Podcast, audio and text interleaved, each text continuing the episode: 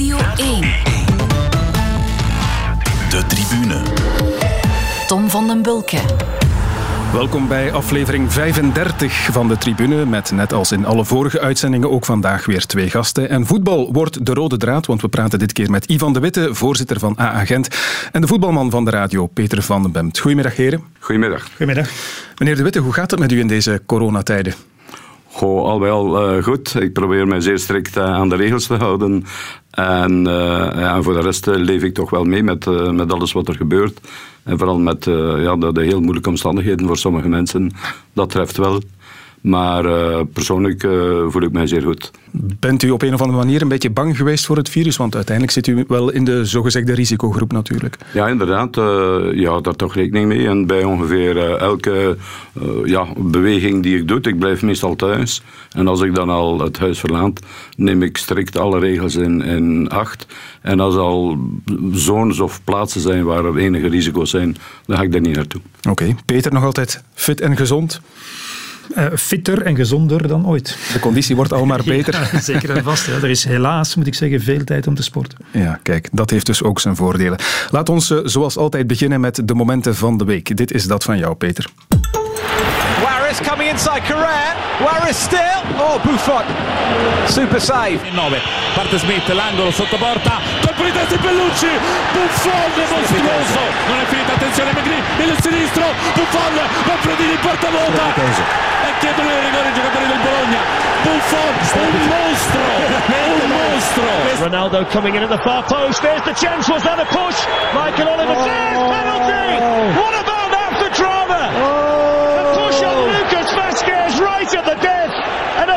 Penalty to Real Madrid. I think it's a red card for Gianluigi Buffon. Well, that is even more drama right at the end.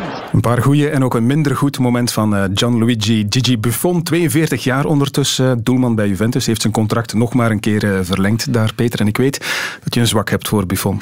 Uh, zeker. En het laatste wat we hebben gehoord, dat was in die memorabele wedstrijd, terugwedstrijd in de, ik denk, achtste finales van, van de Champions League. Kwartfinale was het. Kwartfinale, ja. oké. Okay, waar Real Madrid zowaar 0-3 achter stond tegen Juve. Na 0-3 uit de heenwedstrijd waren van die onwaarschijnlijke scenario's. Maar voor mij was dat het einde van zijn carrière eigenlijk. Mm -hmm. Ik heb altijd gezegd, hij heeft zich eigenlijk uh, uit zijn carrière geduwd. Die obsessie, die ene obsessie die hij nog had, namelijk de Champions League winnen die zag hij die daarvan tussen de vingers glippen, omdat hij een duw gaf aan uh, de scheidsrechter, wat toch uh, tot op heden nog altijd niet. Mm -hmm. Zelfs Buffon mag dat niet.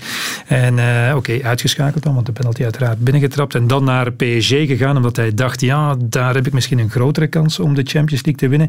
En daar heeft hij het zelf om zeep gedaan natuurlijk. Mm -hmm. Met flaters in die wedstrijd tegen Manchester United in de terugwedstrijd. Dus wat dat betreft, wat we net hebben gehoord, is het einde van de carrière. Maar ehm, ik zal al meteen een paar mensen voor het hoofd stoten en zeggen dat ik hem misschien wel de beste aller tijden vind. Toch, ja? Wat het hele plaatje betreft. De langgerekte carrière, uh, de volgehouden inspanningen aan de absolute top. Ook op zijn veertigste was het toen nog, want toen was hij ook nog uh, extreem goed.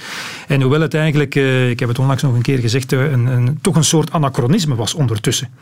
Want een echte evolutie als doelman, technisch bedoel ik dan, had hij niet meegemaakt. Mm-hmm. Hij heeft de evolutie van de schermen die, die uh, keepers optrekken ondertussen, die heeft hij gemist. Het is toch vooral meer een lijnkeeper dan zo'n gigantische atleet tussen de palen. Maar desondanks is hij met zijn verouderde, tussen aanhalingstekens, manier van keeper toch aan de top gebleven. Tot uh, twee jaar geleden ik mm-hmm. nog een keer. En, en nog eens, het is het hele, het is het totaalpakket natuurlijk. Hij heeft denk ik 670 wedstrijden of zoiets gespeeld voor, voor Juventus. Hij heeft is ongeveer alles gewonnen wat er te wonnen viel. En heeft bij het veroveren van die trofeeën voor land en, en club ook telkens een cruciale rol gespeeld. En natuurlijk ook de, de uitstraling die hij op zijn veertigste nog altijd had, de emoties die bovenkwamen, ook bij de uitschakeling van, uh, van Italië. Bijvoorbeeld geen WK, dat was het laatste waar hij nog wilde schitteren. Dus wat dat betreft is het uh, voor mij het uh, totaalpakket. En hij heeft inderdaad, want hadden we dat al gezegd, ik weet niet, zijn contract verlengd. Dat was, ja, inderdaad. Dat was het waarom ik het moment heb gekozen. Nog altijd, zelfs op zijn 42e, de ideale ja. tweede doelman. Tweede doelman ondertussen. Hij is gekomen terug na één jaartje, dus bij PSG is hij teruggekeerd naar de oude stal waar hij ook thuis hoort en waar hij de rest van zijn dagen maar moet, moet slijten, zou ik zeggen. Maar wel als tweede doelman na Chesney, die overigens op dit moment ook gewoon een veel betere doelman is dan, dan John Luigi Buffon. En kijk, hij is 42, maar ze hebben zijn contract met een jaartje verlengd. En dat is niet ongebruikelijk bij Juve, want daar hebben ze groot respect voor oudere voetballers. Voetballers worden daar zeker in de, de defensie waardig, oud, zoals Chiellini. Ook zijn contract verlengd. Ja, het is ook inderdaad gebeurd, dus hij doet er nog een jaartje bij. En Chiellini is wel nog altijd natuurlijk een bepalende speler. Dus Absoluut. nog een keer chapeau. Ja, voilà. Hulde aan eh, Gianluigi Buffon. Over gesproken, meneer De Witte. Davy Roef komt naar A-agent. Mogen we dat al uh, opschrijven? Ja, inderdaad. Uh. Davy Roef komt naar uh, A-agent. En we zijn blij dat hij erbij is. Ik denk dat het kwalitatief en misschien ja, in de diepte, we zullen wel zien, een versterking is. Maar Kaminski blijft wel de nummer één? Of dat is zo. trekken ze nee, zogezegd nee. vanuit gelijke hoogte? Ja, in principe wel, maar laat ons eerlijk zijn. Ik denk dat Kaminski onze eerste doelman zal blijven. Ja. Ik weet niet of dat bekend is, maar Peter is ook nog een keeper geweest. Hè? Ja, maar op een lager niveau. en lang geleden, ongetwijfeld. En heel lang geleden, ja. ja voilà. Oké, over naar het eh, moment van Ivan de Witte. En u heeft gekozen voor een van uw ex-spelers, Birger Verstraten. Die test die is uh, donderdag afgenomen om, uh, denk ik, rond 4 uur. En wij hebben nog van, uh, ja, van 9 uur tot, tot 3 uur eigenlijk in de namiddag constant samen geweest. Ook samen gefitnessd, samen getraind. Ik denk, moest ieder, elke speler anoniem mogen beslissen wat losstaat van, van de clubs en van wat de, wat de clubs je al dan niet kwalijk kan, kan nemen ben ik benieuwd hoe dat de stemming zo, uh, wat dat percentage zou zijn. Birger Verstraeten, zaterdag bij de collega's van VTM. Er bleken die dag drie positieve coronagevallen te zijn bij zijn club, bij FC Keulen. Ja, Verstraeten voelt er niet veel voor, of weinig voor, om in deze omstandigheden te gaan voetballen. En dat is toch wat ze van plan zijn in de Bundesliga. U kent hem dus, ex-speler van uh, eh, AA Gent. Waarom kiest u hiervoor? Wel, voor verschillende redenen. Eén, uh, het was goed dat ook eens de spelers uh, gehoord werden. Uh, zij zijn toch fundamenteel uh, deel van, van het geheel, zou ik zeggen. Het gaat niet alleen over UEFA, FIFA, uh, federaties en dergelijke, maar ook de spelers zijn een belangrijk deel van het geheel. Dus ik vond het wel goed dat, dat die stem aan bod kwam. Ik was een beetje verwonderd, of sterk verwonderd zelfs, door de manier waarop hij zich uitgedrukt heeft. Ehm, ik denk dat hij vooral heeft willen zeggen dat ja, dat er ook nog een echtgenote is die uh, hier in het verhaal uh, belangrijk is. Die hartpatiënt is. Die hartpatiënt is. Dat, eh, ja, dat terug, maar, terug beginnen, ook voor de, de spelers als mens, dat dat geen evidentie is. dus ik vond dat goed. Ik vind dat hij zich wat ongelukkig heeft uitgedrukt, uitgedrukt vooral om op te roepen bijna aan andere spelers om ook in, het, in opstand of in, in de reactie te komen. Dat vond ik er niet goed aan. Uh, op dat vlak vind ik het ook wel ja, te verstaan dat zijn club hem hierop gewezen heeft. Het is niet aan, aan Birger om, om uh, een, een algemene reactie uit te lokken. Mm Ik vind dat hij het recht heeft om zijn eigen uh, stelling hier naar voren te brengen. Zeker ook de situatie van zijn echtgenoten. Ehm, maar ik ken hem een beetje. Hij is iemand die echt alles op de tong draagt. Uh, en alles wat in, in zijn hart en zijn gemoed zegt, zit, dat, uh, ja, dat gaat er gemakkelijk uit. Ja. maar laat het ons houden. Ik vond het goed dat de stem van de speler hier aanwezig was. Ja. Ik ga u een voorbeeld geven. Stel, er wordt straks alsnog gevoetbald in België. Goed, die kans is geweldig klein, denk ik, maar dan nog. Stel, een van uw spelers zegt van, nee, ik zie dat niet zitten. Wat doet u dan? Wel, wij zullen luisteren naar de spelers en ik denk dat wij dat ook doen. Uh, ik persoonlijk sta bij een aantal spelers behoorlijk dicht. Ik luister naar wat zij daarover te zeggen hebben. En uh, moest er één nu absoluut zeggen: ik wil niet spelen. Ja, dan moeten we daar misschien wel naar luisteren. Maar natuurlijk, ze staan onder contract. En je voelt ook dat de spelers weten dat ze onder contract zijn. En dat dat niet zomaar een reden zou kunnen zijn om, ja, om werkweigering te doen, bij, bij wijze van spreken. Ehm, maar het, het is toch goed dat een stem gehoord wordt. Ik vind wel dat wij als club uh, toch de verantwoordelijkheid moeten nemen over de gezondheid van uh, de spelers. Ja. Mhm. En dat gaat dan boven de stem van uh, de spelers. ik vind zelfs dat de overheid moet rekening houden ook met de gezondheid van de spelers. Ja. Peter, ze gaan dus wellicht weer voetballen in Duitsland. Tja, heel veel vragen daar toch weer bij natuurlijk. Hè? Uh, ik begrijp er helemaal niets van dat ze gaan voetballen. Enfin, het is te zeggen, ik begrijp het wel, want er is een economische noodzaak. Dat is ook de enige reden waarom ze voetballen. Dus mm. ik begrijp dat, want die clubs zijn bedrijven en het gaat over ongelooflijk veel geld in Duitsland en Engeland en, uh, en Italië. Maar ik verwijs nog een keer naar een uh, artikel dat mij is doorgestuurd dat ik heb gelezen van een aantal topartsen, onder meer de clubarts van Inter Milaan, ook die van PSG heb dat mee ondertekend hè, in een wetenschappelijk tijdschrift. En daar werd gezegd, kijk, het is het is absoluut onaanvaardbaar om uh, spelers weer te laten voetballen, omdat op dit moment de medische wereld niet kan inschatten wat de eventuele gevolgen zullen zijn voor de voetballers. Voor die die besmet zijn geweest, maar het niet weten, wat heeft dat met hun gestel gedaan? Daar hebben we geen, geen parameters van, dat, dat weten we niet wat dat op termijn betekent. Het kan uh, betekenen dat ze door de inspanningen die ze doen, dat ze op termijn misschien uh, minder gaan presteren, dat hun lichaam, en dat is toch het belangrijkste onderdeel van, van hun uh, arbeid, zal ik maar zeggen, daar nadeel gaat van ondervinden. Misschien levensbedreiging, misschien schade aan hun hart, aan hun longen. En daarom riepen die specialisten op om zelfs geen, zelfs geen collectieve trainingen, bij wijze van spreken, toe te laten tot op het moment dat de medische wereld kan garanderen dat aan topsport doen, want dat is nog, iets, dat is nog wat anders dan wat wij doen eh, op de fiets, een beetje rondpeddelen, uh, tot de medische wereld kan garanderen dat dat 100% veilig is voor de spelers. Mhm. Maar nog een keer, ja, dat uh, bekijken ze dan maar een beetje als collateral damage, denk ik, uh, om, om die economische uh, motieven te, te, rechtvaardigen. De competitie die deze week nog begint, dat is de competitie in Zuid-Korea. Daar zijn ze van plan om vrijdag alweer te beginnen. Let's go to South Korea, where football is set to return. From the 8th of May, the season will begin with matches being played behind closed doors.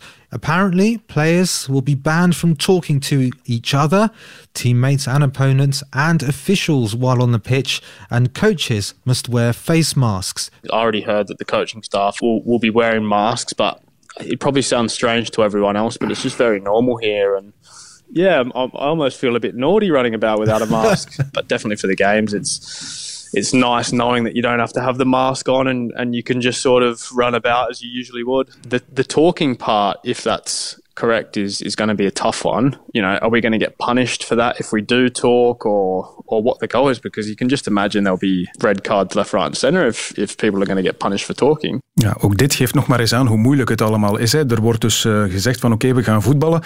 Maar gesproken mag er niet worden op het veld. Dus als de spelers neus aan neus staan, wat, wat wel vaak gebeurt natuurlijk in het voetbal, of de scheidsrechter discussiëren, dat mag allemaal niet. Gaan ze dan kaarten geven en zo? Ik, ik weet het niet. Maar ik bedoel, het is toch meer dan alleen maar praten. Het gevaar schuilt toch niet enkel in het praten. Die spelers gaan in duel met elkaar, veronderstel ik toch, tenzij er daar een soort eh, social distancing wordt ingevoerd. Ook al, uiteraard. Ze, ze gaan duels aan, ze zweten, ze, ze produceren voortdurend lichaamsvocht, zal ik maar zeggen, door de inspanning die ze doen. Dus dat ze niet mogen praten is gewoon lachwekkend. Dat is een lachwekkende maatregel bij wijze van spreken, alsof het praten dan het, de, of het verbieden van de ultieme oplossing is. Dus nee, ik begrijp nog een keer, ik begrijp helemaal niets. Maar ik vond alleen al die, die reactie dat er niet mag gesproken worden uh, tegen elkaar en ook tegen de officials en de mensen die langs de lijn staan, dat maakt dat het geheel al a priori kunstmatig wordt. Ja. Dus je gaat dus een, een, een, echte intense eh, beleving van een voetbalwedstrijd herleiden, ik zeg wel herleiden, tot een, tot een kunstmatige bedoeling. Ook al zonder publiek en al van die dingen. Ja, je kunt het niet kunstmatiger maken als dit, dat je ook al niet meer uh, kunt tegen elkaar spreken. Voor mij is dat een fundamenteel deel van, van het spel tegen elkaar spreken. Birger Verstraeten ziet er niet zitten om te voetballen. Sergio Aguero trouwens ook niet. Die heeft ook al gezegd van nee, in deze omstandigheden wil ik liever dat iedereen gezond blijft, ook in mijn omgeving. Maar er zijn er natuurlijk wel die wel graag willen voetballen, onder meer deze man. We missen natuurlijk wel de wedstrijden en uh, de volle stadions en zo. Uh, ik denk als je een beetje rondom ons kijkt naar Nederland en uh, Frankrijk, dat, uh, dat dat een moeilijk verhaal wordt om, om dan bij ons nog te voetballen. Ehm, maar ja, de hoop is er natuurlijk wel nog. Maar ehm, ik denk dat het belangrijkste is dat, uh, dat we de gezondheid op de eerste plaats zetten van, van iedereen. En uh, als dat niet gegarandeerd kan worden, dan is het misschien beter om gewoon uh, naar volgend seizoen uit te kijken. Ja, dat is Vadis Ojija, uw aanvoerder. Is dat ook het gevoel dat bij de hele groep leeft? Hebt u daar een idee van? Van ja, we hopen ergens wel, maar ja, laat ons toch maar zorgen dat we gezond blijven eerst. Ja, dat is wel wat in de groep leeft. Vadis vertolkt wel, denk ik, een groot stuk van de opinie van de groep. Dus ik heb trouwens gezegd daar juist dat ik met een aantal spelers toch nog heel nauwe contacten heb. Vadis is daar uh, één van, uiteraard. Mhm. Het is mijn kapitein. En uh, ja, we, we, spreken ook wel met hem of dat hij, ja, of dat, hoe dat hij het voor volgend jaar en de jaren nadien uh, ziet. We zullen wel zien wat daar allemaal zou kunnen uitkomen. dus ik, ik versta Vadis wel, maar ik ken hem ook. Hè. Vadis is een heel verstandige man. Uh, heel verstandige speler. Uh, en als je goed beluistert, zegt hij eigenlijk de twee dimensies. Hij spreekt over het hart en de reden. Ja? Ik denk dat het hart zegt, uh, laat ons spelen, want dat is, dat is wat ze graag doen. Dat is wat ze alle dagen willen mee bezig zijn. De reden zegt, en dat zegt hij eigenlijk wel tussen de, tussen de lijnen door, er zijn veel omstandigheden die eigenlijk verbieden om nog verder te doen. Ja, ik denk dat elke voetballiefhebber wil, ik ook, dat er morgen wordt gevoetbald. Maar het is onmogelijk, dus ja, dan, uh, dan gaat het niet. En, en, dat is voor die voetballers ook. Als iemand morgen uh, kan uh, garanderen dat het 100% veilig is en ook Birger Verstraat, dan zal die uiteraard willen voetballen. Dat willen ze allemaal. Ze hebben al lang genoeg stilgezeten, natuurlijk. Maar uh, de omstandigheden laten op dit moment niet toe. Niet in België, niet in Frankrijk en Nederland en ook niet uh, in de rest van de wereld, als je het mij vraagt. Maar vrijdag in principe dus wel weer in Zuid-Korea, Peter. Ga je kijken? Nee, hoewel ik, het uh, ongelooflijk mis, ga ik toch niet naar een wedstrijd uit nee. uh, de Zuid-Koreaanse competitie kijken. Dat begrijp ik. Al, al, al zal het mij wel eens intrigeren om te zien hoe ze zwijgen. Misschien toch wel. Ja, ja. puur uit Maar in uitgesteld relais dan, want het zal snel zijn. Oké, okay, en voorts is het inderdaad uh, wachten tot voetbal. Bij ons komt dat er, of niet? De tribune. Uitstel na uitstel bij de Pro League, hoewel al op 2 eh, april de intentie uitgesproken werd om te stoppen met de competitie. Tom Boudewil, ook een van onze voetbalmannen, geloofde er begin april al niet in dat het eh, snel zo ver zou komen. Dat zei hij toen hier in de tribune.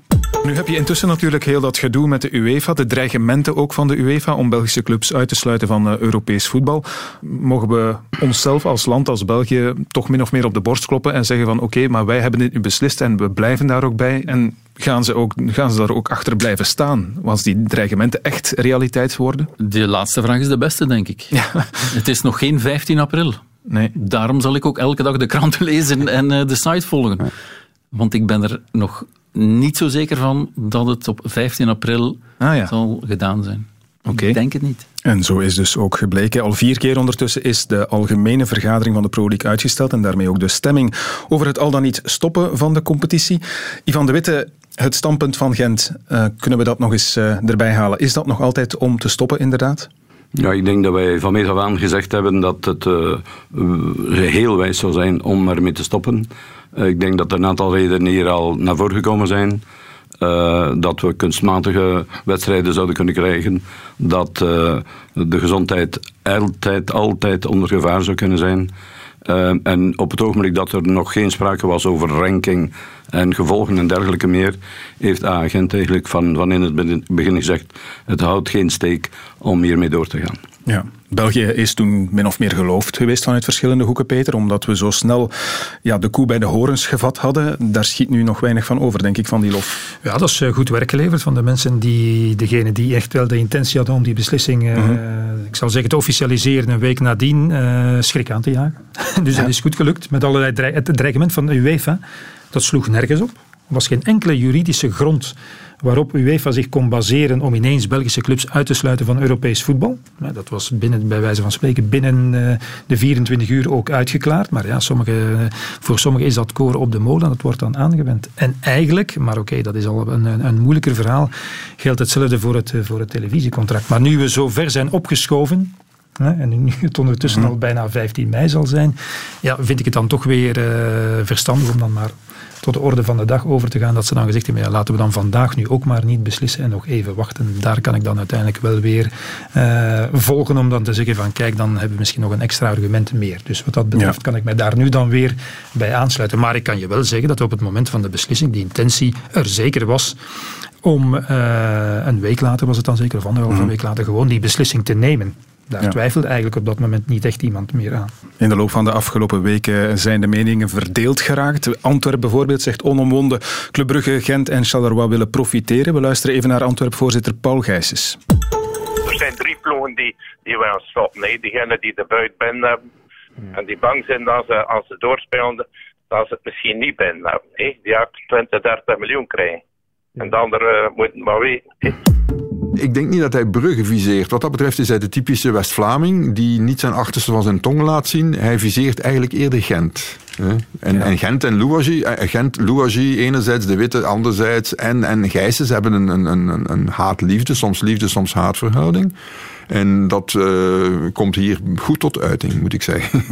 Dat was een fragment uit de tribune van vorige week, eh, met ook journalist Hans van de Wegen erbij. Klopt het van die haat-liefde-verhouding?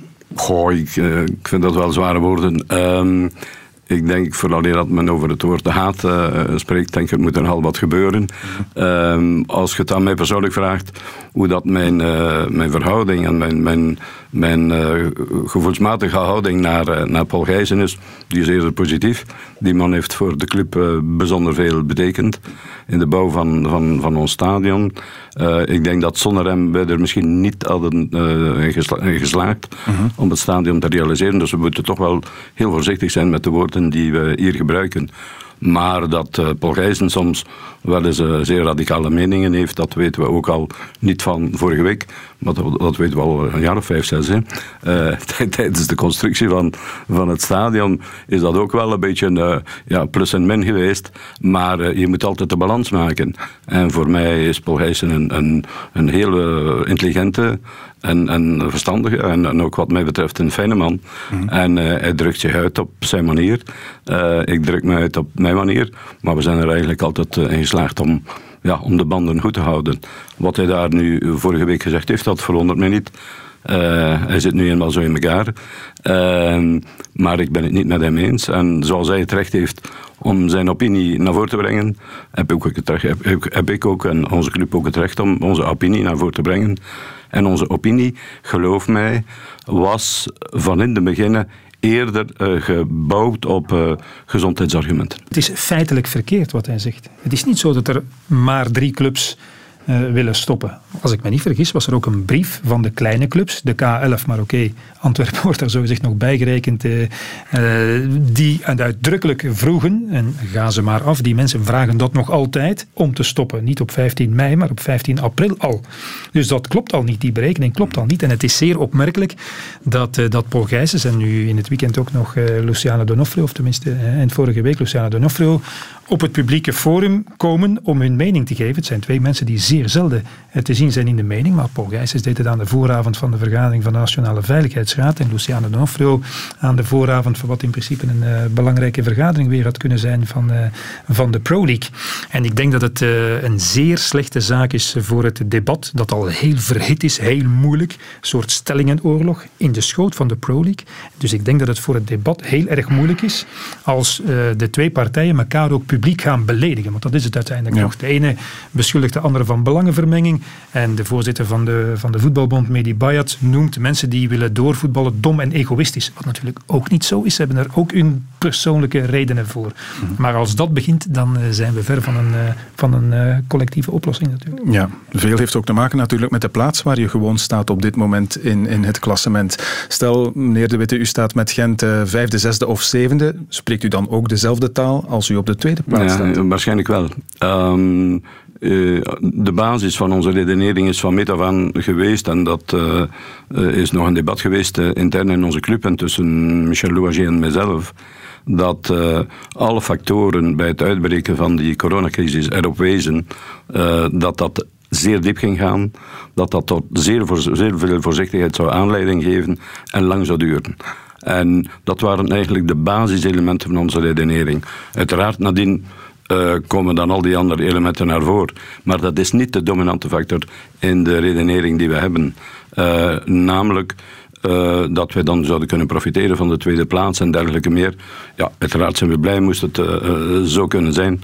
Maar daar hebben we niet naartoe gewerkt. Maar ik denk wel, en ik wil nog meneer De Wit het voordeel van de twijfel geven, maar ik ben er wel zeker van dat Michel Louagie op dezelfde manier zou reageren als Paul Gijsens, waren de rollen omgekeerd. Daar mm -hmm. ben ik toch redelijk zeker van. Omdat hij ook iemand is die ten allen prijzen het belang van zijn eigen club wil verdedigen. Dat doet hij op dit moment overigens nog altijd in uh, de werkgroep van de Pro League. Mm, maar toch wil ik daar een kleine uh, voetnoot bij geven. Uiteindelijk uh, wordt dat standpunt geformuleerd binnen de club, ja.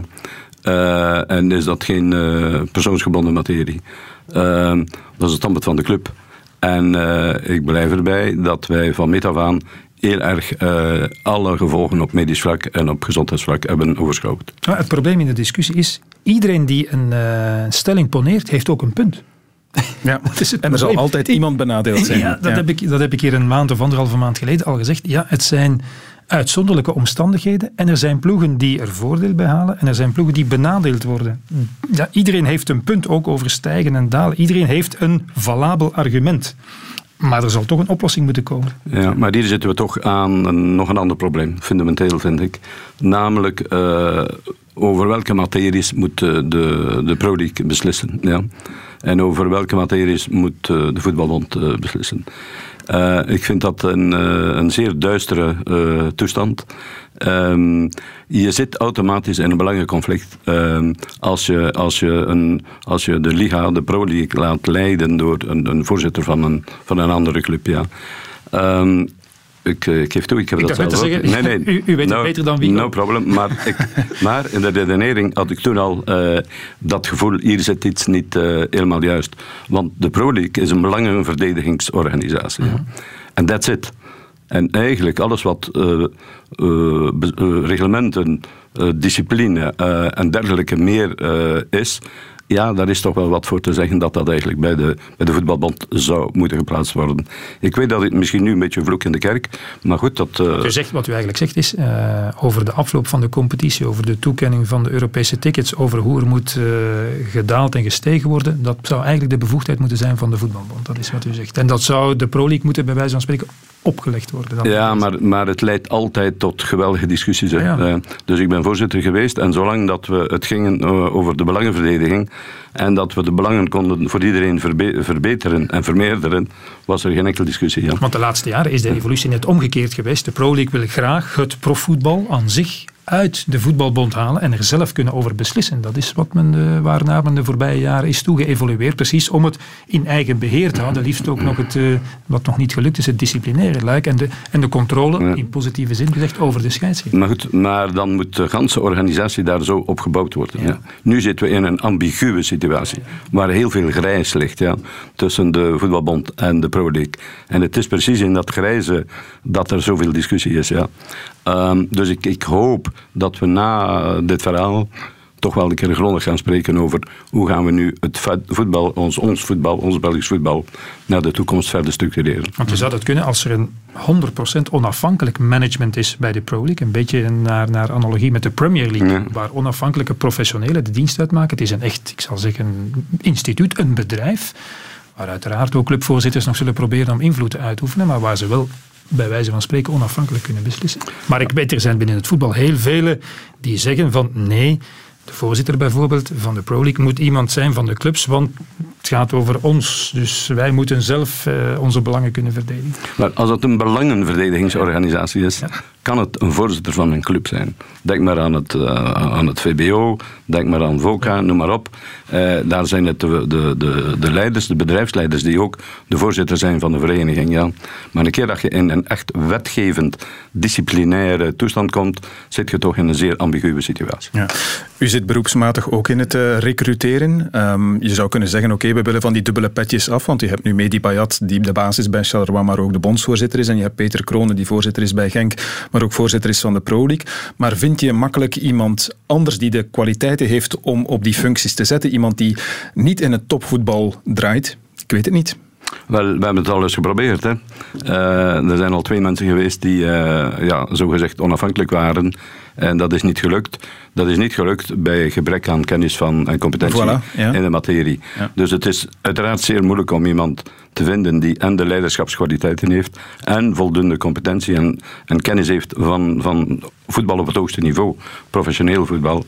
Uh, maar als je me nu vraagt, is die in de markt te vinden? Ja, uiteraard wel. Okay. Maar het zal een beetje duren. Maar en, en de vraag is ook, als zij dan, of als die mensen aan het uh, bewind een beleid voeren dat dan toch bepaalde clubs alweer niet aanstaat, ja, dan komen er toch weer allerlei uh, machinaties ja. in gang, worden die in gang gezet, waardoor hij toch weer naar de uitgang wordt geduwd. Mm -hmm. Ik kom nog even terug op uh, Antwerpen en de kritiek die we vanuit die hoek horen. Um, heeft u op basis van wat u verneemt uit de vergaderingen van de Pro League de indruk dat er medestanders ondertussen zijn bij Antwerpen? Ik denk dan aan Racing Genk en Anderlecht bijvoorbeeld. Oh, weet je, um, Uh, ik ben zelf vijf jaar voorzitter geweest van, van de Pro League. Uh, na, nadien heb ik afstand genomen. Mm Michel Louagie heeft die rol in de Pro League overgenomen. Maar die vertelt u uiteraard en wat daar uiteraard wordt, ja. ben ik op de hoogte, zowel voor als na elke vergadering. Maar ik denk dat ik hem ook uh, alle uh, vrijheden uh, moet laten om te fungeren binnen die context. Dus ik ga nu geen uitspraken doen die hem zouden kunnen hinderen mm. in de uitvoering van die rol. Want het is zoal moeilijk en zwaar genoeg voor hem, zodanig dat ik als voorzitter hier niet moet beginnen tussen fietsen, fietsen. Dat ga ik ook niet doen. Maar er zijn eigenlijk twee dingen. Antwerpen wil voortvoetballen. Het is duidelijk, ze willen de bekerfinale spelen, ze willen misschien nog tweede worden. Maar er zijn wel een ander, en, en Genk eigenlijk ook wel, al is dat misschien net iets minder uitgesproken, maar er zijn wel meer clubs die willen dat er een globaal akkoord is. want je kan kunnen zeggen, oké, we stoppen met de competitie en dan uh, respecteren we de rangschikking. Je zou dat al kunnen beslissen en dan kijken wat er met de rest gebeurt. Maar er zijn er, Anderlecht bijvoorbeeld, Genk ook, er zijn er die zeggen, nee, maar we willen wel een globaal akkoord. Dus als we stemmen, gaan we dat proberen te doen met een 80% meerderheid, zodat het een gedragen beslissing is, maar wel over alles. Wat ik hier zaterdag nogal heb uitgelegd, namelijk niet alleen stoppen, eh, de, de competitie, de stand aanvaarden, maar ook Europese tickets en solidariteit, compensatie, noem je ja. zoals je wil, voor andere ploegen. Dus en er zijn er die zeggen, ja, als dat allemaal niet is, dan stemmen wij tegen stoppen. Dat Ah, wil niet noodzakelijk zeggen dat ze voor voortvoetballen zijn. Dat is weer wat anders. Dat is een soort ik zou zeggen, uh, het woord chantage ga ik niet gebruiken, maar een soort druk zetten op bepaalde clubs die uh, ja. eventueel moeten betalen, die dan zelf ook weer, met name Michel Louagie, het eventueel afstaan van een bepaald deel van de Europese inkomsten koppelt aan het absolute behoud van het format. Okay. 16 plus play-offs. Ja. En zo blijven we bezig. Komen we daar zeker nog op terug, op die uh, solidariteitsmaatregel of, of uh, dat voorstel. Wat ik eerst nog even wou, uh, wou voorleggen, Peter, het feit wat je nu allemaal vertelt, dat, dat toont gewoon nog eens aan dat er zoveel breuklijnen zijn binnen heel die Pro League. Hè? Ja, en zeker op dit moment. Hè. Ja, ja. Net wat ik zei, iedereen heeft wel zijn argumenten om zijn gelijk aan te tonen. En, en ja, als je naar al die verschillende mensen luistert, ja, dan zijn daar redelijke argumenten bij. Mm. Dan kan ik niet zeggen, enfin, ik zou zeggen, degenen die zeggen, we kunnen nog voortvoetballen, nee, daar kan, die kan ik geen gelijk geven. Maar wel die zeggen van, ja, wij worden hier benaderd en we willen, ja, dat is, altijd, dat is allemaal wel wat voor te zeggen. Mensen die zeggen, ja, nee, ik kan niet zakken, want we moeten nog een wedstrijd spelen. Of mensen die zeggen, ja, wij, wij stonden op het punt om te promoveren, het kan nog niet zijn dat wij niet mogen promoveren. Die hebben allemaal een punt. Alleen uh, ben je nu in een situatie terechtgekomen waar niet iedereen 100% zijn mening zal kunnen doordrijven of 100% zal krijgen wat hij wil. Dus met andere woorden, een compromis. Dat is wat nodig is. Maar uh, vroeger in de politiek gingen ze ruziemakend hertoginnendal binnen, ja. maar ze kwamen wel met een oplossing naar buiten. En dat is wat we vandaag de dag ook zullen moeten hebben in de Pro League. Ze mogen best ruzie maken, maar als de deur dicht is, zouden ze nadien wel een, een oplossing moeten vinden. Het zal toch moeten. Ik zou toch even willen inpikken op wat Peter daar juist gezegd heeft. Um, namelijk dat er uh, toch veel ontsnapt. Um, uh, dat men bijvoorbeeld in Ertogenedal dat men wat ruziend binnengaat en dat er dan geen lekken zijn en dat we dan met de conclusie naar buiten komt. Nu uh, is de vergadering meestal zowel van de werkgroep als van de raad van bestuur als van de algemene vergadering nog geen tien minuten oud, denk ik, of nog geen twee minuten oud, of er zijn al lekken. Ja. ja. En journalisten zijn er natuurlijk om, om te proberen die lekken te creëren. En, uh, en het is aan de deelnemers van die diverse vergaderingen om de mond te houden. Ja. Je hebt dat ook gezien met de, met de, met de expertengroep. Dat verslag is zeer voorbarig naar buiten gekomen. En we hebben gezien voor hoeveel herrie dat dat veroorzaakt heeft. En eigenlijk belemmering van beslissingen en conclusies. Nu hetzelfde bij, bij, in het voetbal. Um, de journalisten moeten natuurlijk een, een, uh, een werk doen. En we hebben hier een zeer goede bij ons. Ja. Mm-hmm. En, uh, en ze hebben ook wel ja, een mensen waar zij kunnen, terecht bij kunnen. En uh, ik weet dat Peter ook wel zijn, zijn contacten heeft in, in, in, in de Pro League.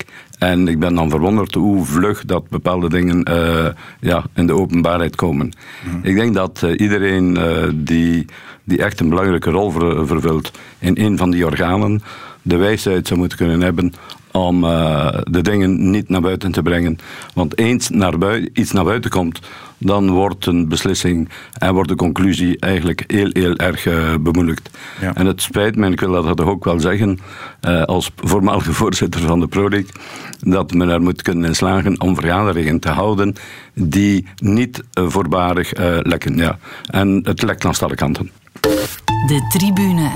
De reden van het uitstel is wel duidelijk, denk ik. De Pro League wacht eh, onder meer op een beslissing van de overheid om zich eh, zo te kunnen beroepen op overmacht. Maar het is voorlopig nog wachten, al zijn de virologen blijkbaar wel bezig met een advies. De voetbalclubs wachten bijvoorbeeld nog op nieuws, misschien nog dit weekend. Ja. Valt er op dat vlak nog iets te verwachten? Daar zijn we mee bezig. dat is een kort antwoord. nee, nee, nee. We zijn ermee bezig en we hebben ons, dus na de vorige veiligheidsraad hebben wij als GEES ook terug uh, wat huiswerk gekregen, of wat, heel veel huiswerk gekregen om een aantal adviezen te formuleren. Met die adviezen zijn we bezig en het is niet de bedoeling mm -hmm. dat, die, dat die nog weken op zich laten wachten. Okay. Het mag dus geen weken meer duren, meneer De Witte. Het zal ook geen weken meer duren, denk ik. Maar, um... maar ik vind over die uh, beslissing van de overheid nu. Hè, je zou kunnen zeggen, ah, de mannen van het voetbal willen graag dat de overheid de kastanjes voor hen uit het vuur haalt. Hè, dat zeggen ze dan. Mm. Maar ik vind, uh, en natuurlijk, hè, ik onderschrijf dat allemaal. De overheid heeft andere prioriteiten dan, uh, dan het voetbal. Maar net als ik zou zeggen, de winkeliers of de horeca, is het voetbal ook een economische tak. Maar daar gaat men altijd aan voorbij. En ik vind dat die net zoals andere economische takken recht hebben op duidelijkheid. En ja. bij wijze van spreken, ik maak er een klein beetje een karikatuur van, dus dat mogen ze mij terugwerpen. Maar hier is het een beslissing nemen om iets niet te moeten doen. Dus je moet niet meer voetballen, je mag, maar je moet niet meer voetballen tot. Dat lijkt mij op zich een makkelijker beslissing mm-hmm. dan allerlei dingen weer toe te laten. Inderdaad. Dan te zeggen, je mag naar de winkel, maar pas op. Je mag weer naar school, maar pas op. Je mag weer... Het lijkt mij makkelijker te beslissen. Dus ja. ik begrijp niet, maar ik zal het doen. Waarom het zo lang duurt. Waarom dat zo lang moet duren. Ja. En vooral, ik ben het er niet mee eens dat het niet helemaal bovenaan, maar toch vrij opgeschoven op de prioriteitenlijst mag staan. Ja, want het heeft inderdaad uh, met de economie te maken, met het geld. Dat gaat dan ook over het geld van het tv-contract natuurlijk. Dat is een van de redenen waarom uh, jullie als club zitten te wachten op die beslissing van de overheid natuurlijk. Hè. Dat uh, laatste deel van het tv-geld, staat dat intussen op de rekening eigenlijk al van de clubs? Maar laat ons daar nu niet, niet te diep op ingaan. Um, Um, we wijken af eigenlijk van ons basisidee, namelijk dat we hier uh, staan voor een verschrikkelijke gezondheidscrisis, mm-hmm. waarbij we de spelers willen beschermen, waarbij we ons publiek willen beschermen, waarbij we geen dingen willen doen die nodeloze uh, verzamelingen uh, van, van mensen zouden creëren. Ik denk dat we daarvoor staan en dat we de, de dingen niet onmiddellijk naar het financiële moeten verleggen. Maar voor veel clubs, zeker de kleinere, is dat tv-geld natuurlijk wel heel belangrijk. Stel in het ergste geval dat moet straks terugbetaald worden. Dat is toch een probleem, dus uh, dat daarover duidelijkheid moet zijn en dat daar uh, liever nog mee gewacht wordt dan met die beslissing. Maar daar zal ook duidelijkheid over komen. Ja. ja. Nogmaals, ik, ik, uh, ik kan het niet genoeg herhalen. Dat is natuurlijk deel van een, van een debat en van intense discussies. Maar laat ons daar dan maar de, de tijd voor nemen om tot een uh, eensgezindheid te komen. En daarom pleit ik ook om niet alles op de straat te gooien op voorhand. Er zal een eensgezinde discussie en er zal een eensgezinde conclusie komen uh, binnen dit en, en ik denk een tweetal weken. Waardoor eigenlijk wij kunnen zowel de competitie stopzetten als alle partijen die met recht een aantal zaken opeisen, dat we daar kunnen aan voldoen. Dat contract, Peter, um, daarover gaat het, dat tv-contract. Hoe waterdicht is dat nu? Volgens uh, Pierre-François 99% waterdicht, maar dan is er nog altijd 1% dat het niet zo is, denk ik dan. Wel, ik weet dat uh, Pierre-François op een of andere vergadering, uh, ik zal zeggen ergens in de maand maart, zichzelf op de borst sloeg en zei van, uh, en zichzelf feliciteerde met de clausule die erin stond, die eigenlijk dit soort dingen dat we ons toen, die we ons toen nog niet echt konden voorstellen, afdekte. En zei, gelukkig staat die clausule erin. Volgens mij heeft het ook zelfs niets met overmacht te maken. Staat het woord overmacht daar ook niet in. Mm-hmm. En dan nadien bleek het toch een groot probleem te zijn. En werd er gezegd, pas op, want ze kunnen nog, en ik heb het hier zaterdag bij jou ook gezegd, Tom, er is nog altijd zoiets als een contract, dat kan dan voor 99% waterdicht zijn, maar het is wel een rechter die uiteindelijk eventueel bij een rechtszaak zal oordelen en die misschien het billig vindt dat de rechtenhouders, hè, in casu telenet proximus vu, wel recht hebben op een soort compensatie, omdat zij een bepaald bedrag, maar ook daar bestaat oneenigheid over, dat is een berekening van de laatste schijf van 24, maar anderen maken dan een andere berekening en zeggen zoveel procent van de wedstrijden is al gespeeld, dus misschien is het maar 13 miljoen, dat die daarvan dan ja, op een of andere manier voor gecompenseerd worden. En daarom heb ik gezegd, en ik herhaal het nog een keer, in plaats van het tot een rechtszaak te laten komen, is het misschien verstandiger om een keer rond de tafel te zitten en een oplossing te zoeken. Is dat Ik denk advies als- dat u zou volgen? Ja, ehm, ik denk dat het, eh, alle discussies die nu bezig zijn, finaal een einde zullen kennen rond de tafel. Ja. Eh, Hopelijk wel. hè, hopelijk. daar ben ik van ook daar, overtuigd. ja. ook daar misschien een compromis dan. Ehm, ja, laat me nu niet eh, te, veel daarop vooruitlopen, want dan zou ik zelf beginnen zaken zeggen die, eh, die, die, die de zaken bemoeilijken. Ja. Maar er zal een finaal eh, eindbeslissing komen waar, waar partijen zich kunnen vinden. Ehm, ik ben misschien een optimist, eh, maar ik weet dat ik als voorzitter van de Pro League toch vijf jaar eh, zo gewerkt heb. En ik heb altijd eh, alle discussies eh, aangevat, ook over moeilijke punten, verandering van de competitie, televisiegelden en dergelijke meer, met de vaste overtuiging dat we op het einde van de rit een goede beslissing zouden hebben. En ook ditmaal, en u mag mij hiervoor nog eens aanspreken binnen een paar weken, ook ditmaal komt er een, een goede conclusie. Maar, mag, mag ik dan concreet iets vragen? eh, hè, want dat is ook een van de dingen die natuurlijk op tafel ligt. Het format. Hè. We weten allemaal dat het Gent en ook Genk bijvoorbeeld daar stevig aan vasthoudt. Maar wat ik zeer moeilijk kan, kan begrijpen is waarom zo dan agent, daar ook voor volgend jaar zo per se willen aan vasthouden. Ik heb van in het begin al gezegd, het kan niet zo zijn dat bepaalde clubs die van dit format af willen en iedereen met 18 willen of 20, dat die ervan profiteren om, om het voetbal vast te leggen voor de volgende vijf jaar. Want dat vind ik niet fair in deze omstandigheden. Maar wel dat je, gelet op misschien het latere tijdstip waarop je kan beginnen. De, de waarschuwing dat er misschien nog een epidemie komt, dat, of een heropflakkering, dat je nog eens een maand of drie weken of twee maanden moet stoppen, dat je dan toch een format aanvaardt voor één seizoen, waarbij je speling hebt en waarbij je een aantal wedstrijden speelt die je er kan inpassen, weten dat er een EK komt. En daarna, oké, terug naar het oude of, of een andere discussie. Maar nu, nu dwing je mij een beetje terug naar mijn vorige statement dat ik eh, graag eh, de tijd zou nu willen zijn werk laten doen, vooraleer dat we tot een conclusie komen. En, en, en niet voorbarige zaken gaan formuleren. U kunt dat doen, Peter, vanuit uw, eh, uw positie. Maar ik als voorzitter van een, van een professionele club eh, zou dat beter niet doen, omdat dat alleen de eindbeslissing zal eh, bemoeilijken. Eh, maar uiteraard zal er waarschijnlijk op het einde eh, ja, een, een, een, een, een conclusie komen waar, eh, waar heel veel in zit en waar finaal iedereen zal zich kunnen in terugvinden. Daar ben ik nogal van overtuigd. Maar nu op voorhand statements gaan doen, dat ga ik niet doen. Een persoonlijke, heel persoonlijke voorkeur kan ik wel naar voren brengen. Ik ben een heel grote voorstander van het systeem met 16 ploegen en play-offs. Ja, ja, ja. Zelfs met veer, voor 14 ploegen en play-offs. Ja. Ja, nog beter. Eh, als we iets echt wi- willen doen voor het Belgische voetbal. Maar goed, dat Dus- is dan op de termijn. maar dat is, ja, en nu zitten we in een crisissituatie. En in een crisissituatie gelden misschien andere regels. Ja. Oké. Dat vind ik toch een duidelijk antwoord. Ja, voilà. Laat ons dat alvast eh, meenemen. We gingen het ook nog hebben over die eh, solidariteitsregeling, of dat voorstel tenminste, dat ook op tafel ligt. En wat dat betreft heeft Anderlecht een paar weken geleden de aanzet gegeven. Wij stellen voor dat eh, de clubs die Europees spelen de komende drie seizoenen, en voor alle duidelijkheid, eh, we gaan ervan uit dat Anderlecht daar eh, toch twee keer zal bij zijn en volgend jaar niet, hè, dat is al zeker. Eh, maar de twee jaar nadien, eh, dat in die drie seizoenen die clubs een, een bijdrage leveren vanuit de inkomsten die ze halen uit Europa. Het was eh, CEO Karel van Eetveld van eh, Anderlecht. Daar hebben Club Brugge en Charleroi toen eh, meteen op gereageerd, daags nadien al, als ik me niet vergis. Bij hen klonk het eigenlijk van, ja, wij zijn anderen niets verschuldigd. Wat is het standpunt van A-agent in deze?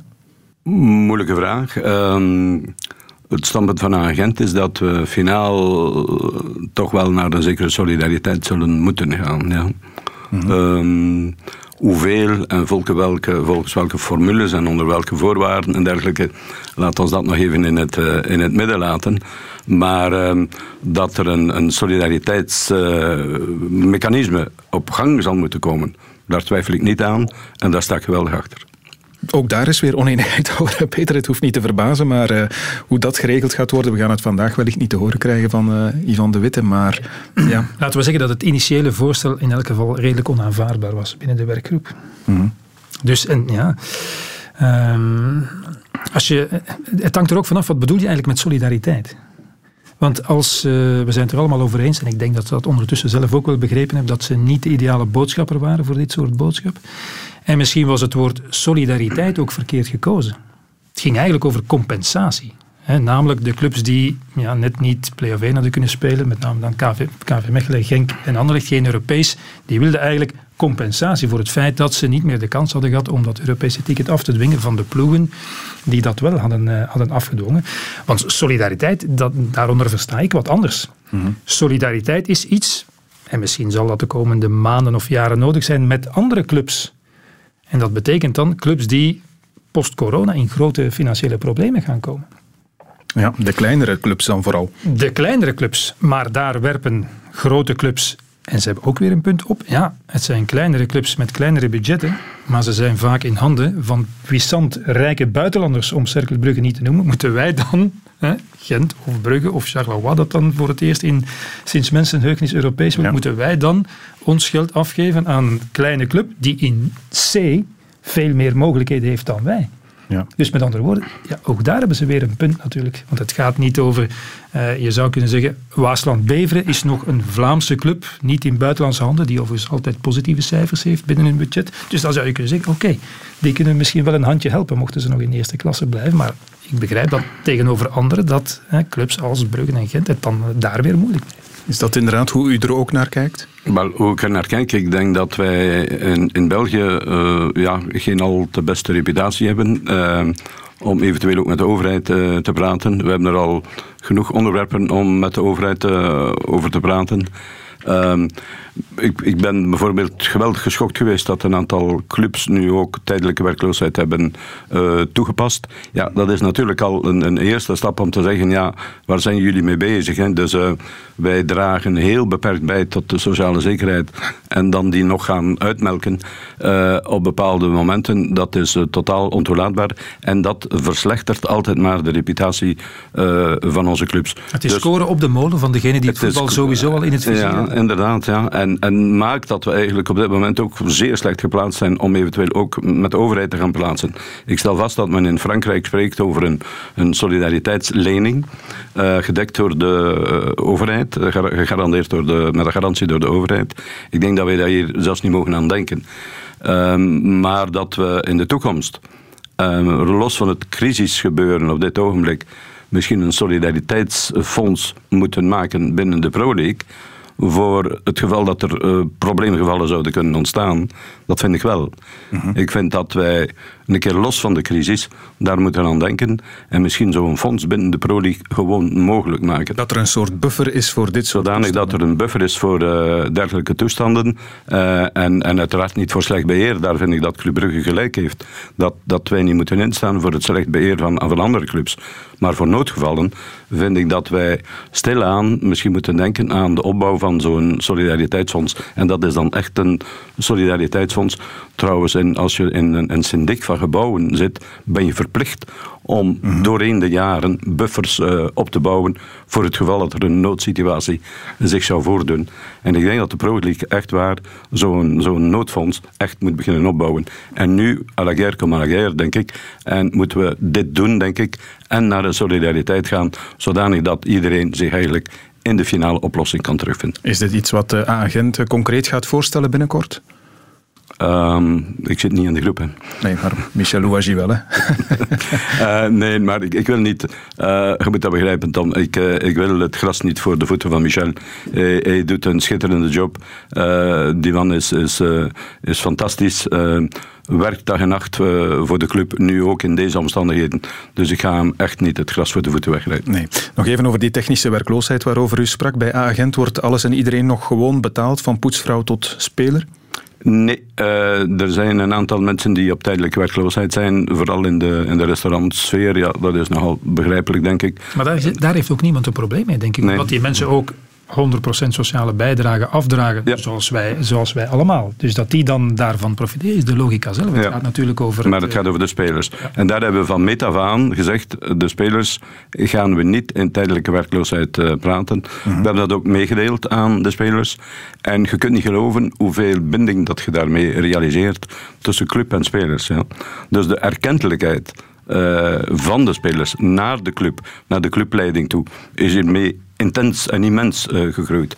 En ik ben overtuigd dat wij volgend seizoen uh, wel uh, spelers gaan zien die nog met dat tikkeltje meer engagement zullen spelen dan voorheen. Daar ben ik echt van overtuigd. Ja, ik denk dat meneer De Witte er zich ook van bewust is dat als uh, agent dit was overkomen, ik zal maar zeggen 15 jaar geleden, toen jullie nog in volle opbouw waren uh, en, en, volle schuldaflossing, ja, zouden jullie ook een, een, veel groter probleem hebben gehad wellicht. Hè? Oh ja, ik denk dat wij dat in Nilo Tempore niet zouden overleefd hebben. Nee, nee.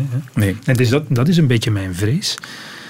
Als, als, er straks wordt gevoetbald, en ik las nu weer iemand die hoopt dat er vanaf 1 september met publiek zal kunnen worden gevoetbald. Enfin, ik hoop het ook, maar geen idee of dat, dat kan. Stel je maar eens voor dat je nog een poos moet voetballen zonder publiek. Dus dat wil zeggen, alle kosten dragen en geen inkomsten, misschien ook geen VIP-gebeuren. Geen, ja, er gaan toch een aantal clubs. En als je ziet hoe moeilijk het nu al geweest is voor een heleboel clubs om nog aan de licentievoorwaarden te voldoen dan hou ik mijn hart vast. Ja, die periode zonder inkomsten die duurt nu al een hele tijd. Valt dat al enigszins te becijferen wat dit aan uw club kost? Ja, wij hebben dat al helemaal becijferd. Ja. Tot uh, einde van dit jaar, tot einde maart volgend jaar, tot einde juni volgend jaar hebben wij de volledige forecast gedaan van wat het zou betekenen om tot en met een jaar zonder uh, toeschouwers te spelen. Dus wij weten dat, ja.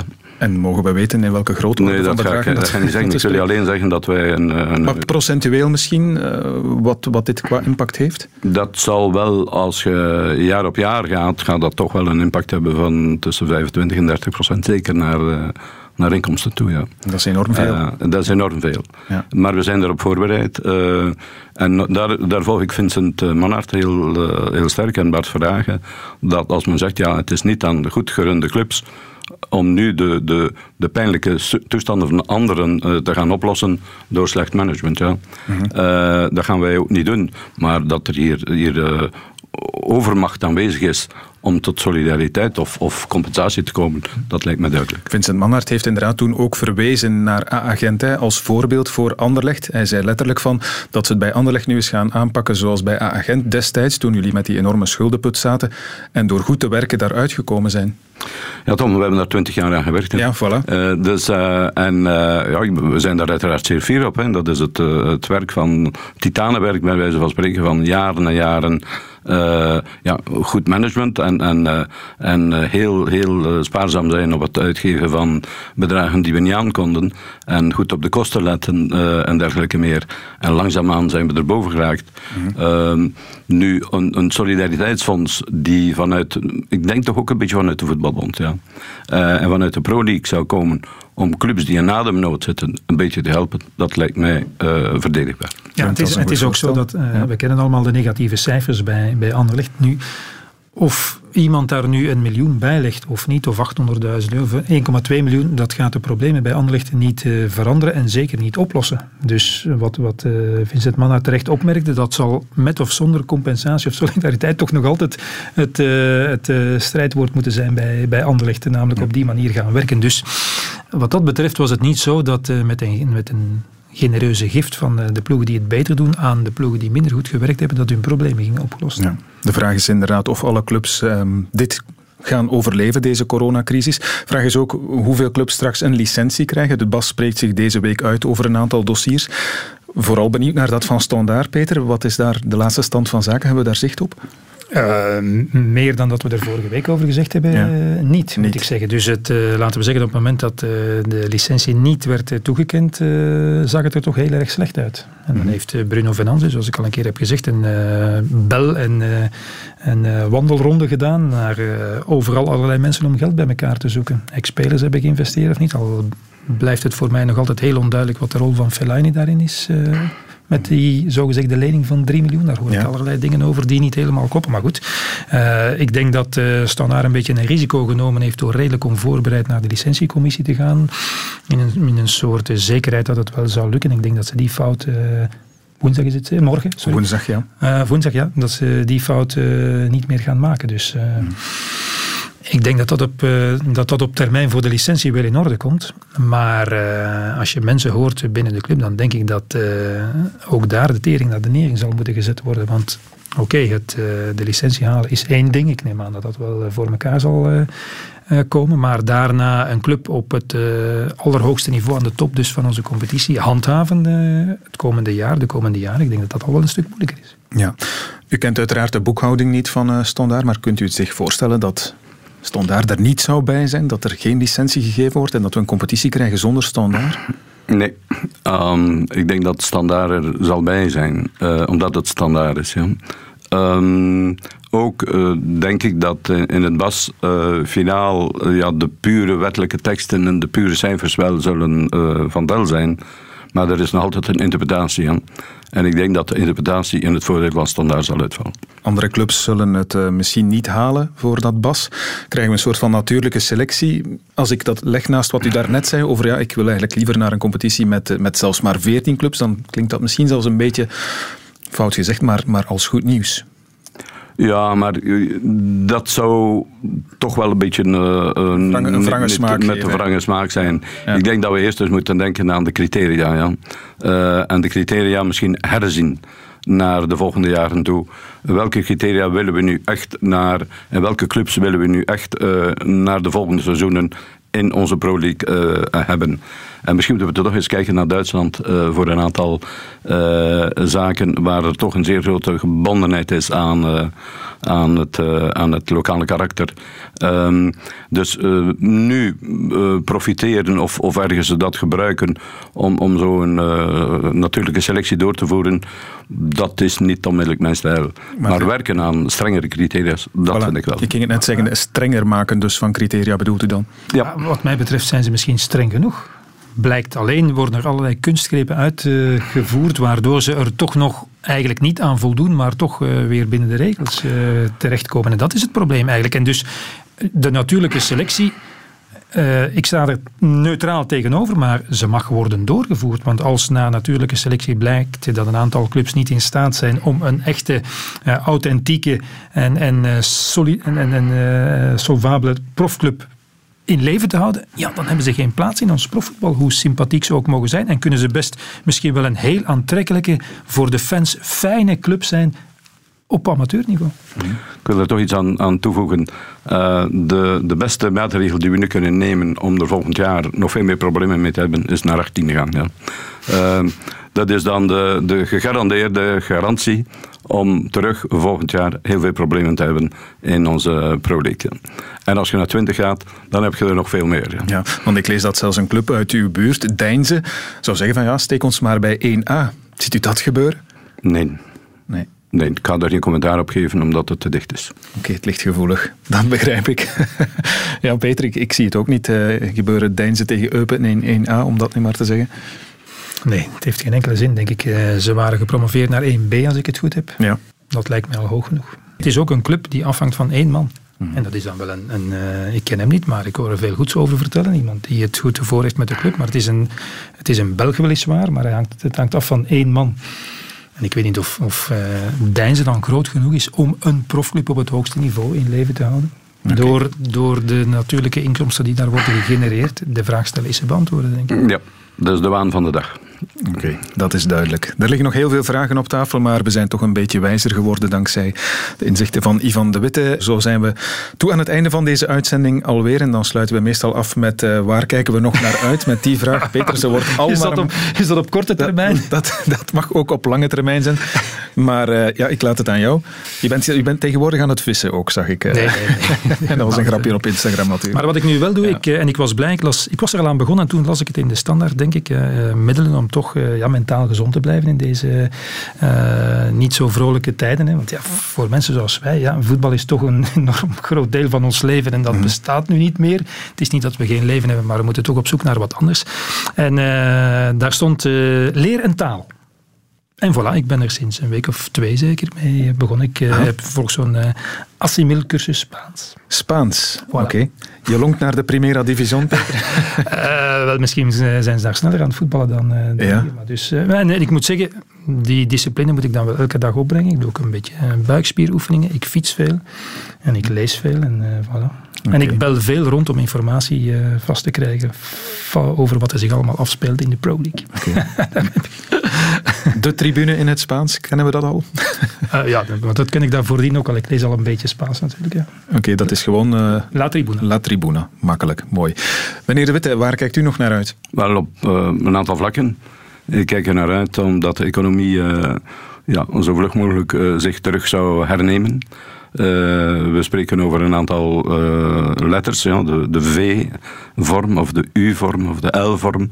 Uh, ik heb een diepe hoop en, en ook wel een beetje een, een vermoeden dat het een V-vorm zal zijn, waarbij we dus een, eens het dieptepunt voorbij is, misschien heel vlug in een, een terugopnemende economie zouden kunnen komen. Dus daar kijk ik heel erg naar uit. Want ook in mijn bedrijf hebben we er toch wel een hele, hele grote weerslag van. Van. En ik hoop van zo vlug mogelijk dit achter de rug te hebben.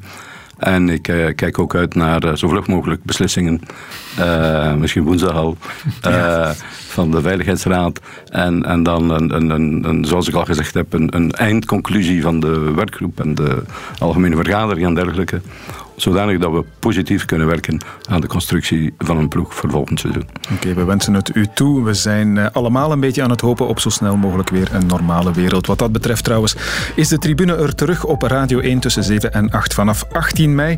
Deze aflevering nog op podcast en ook die van volgende week dus op podcast. Tot dan hopelijk. Fijn dat je luisterde. Dankjewel Peter van den Bent. Dankjewel Ivan de Witte.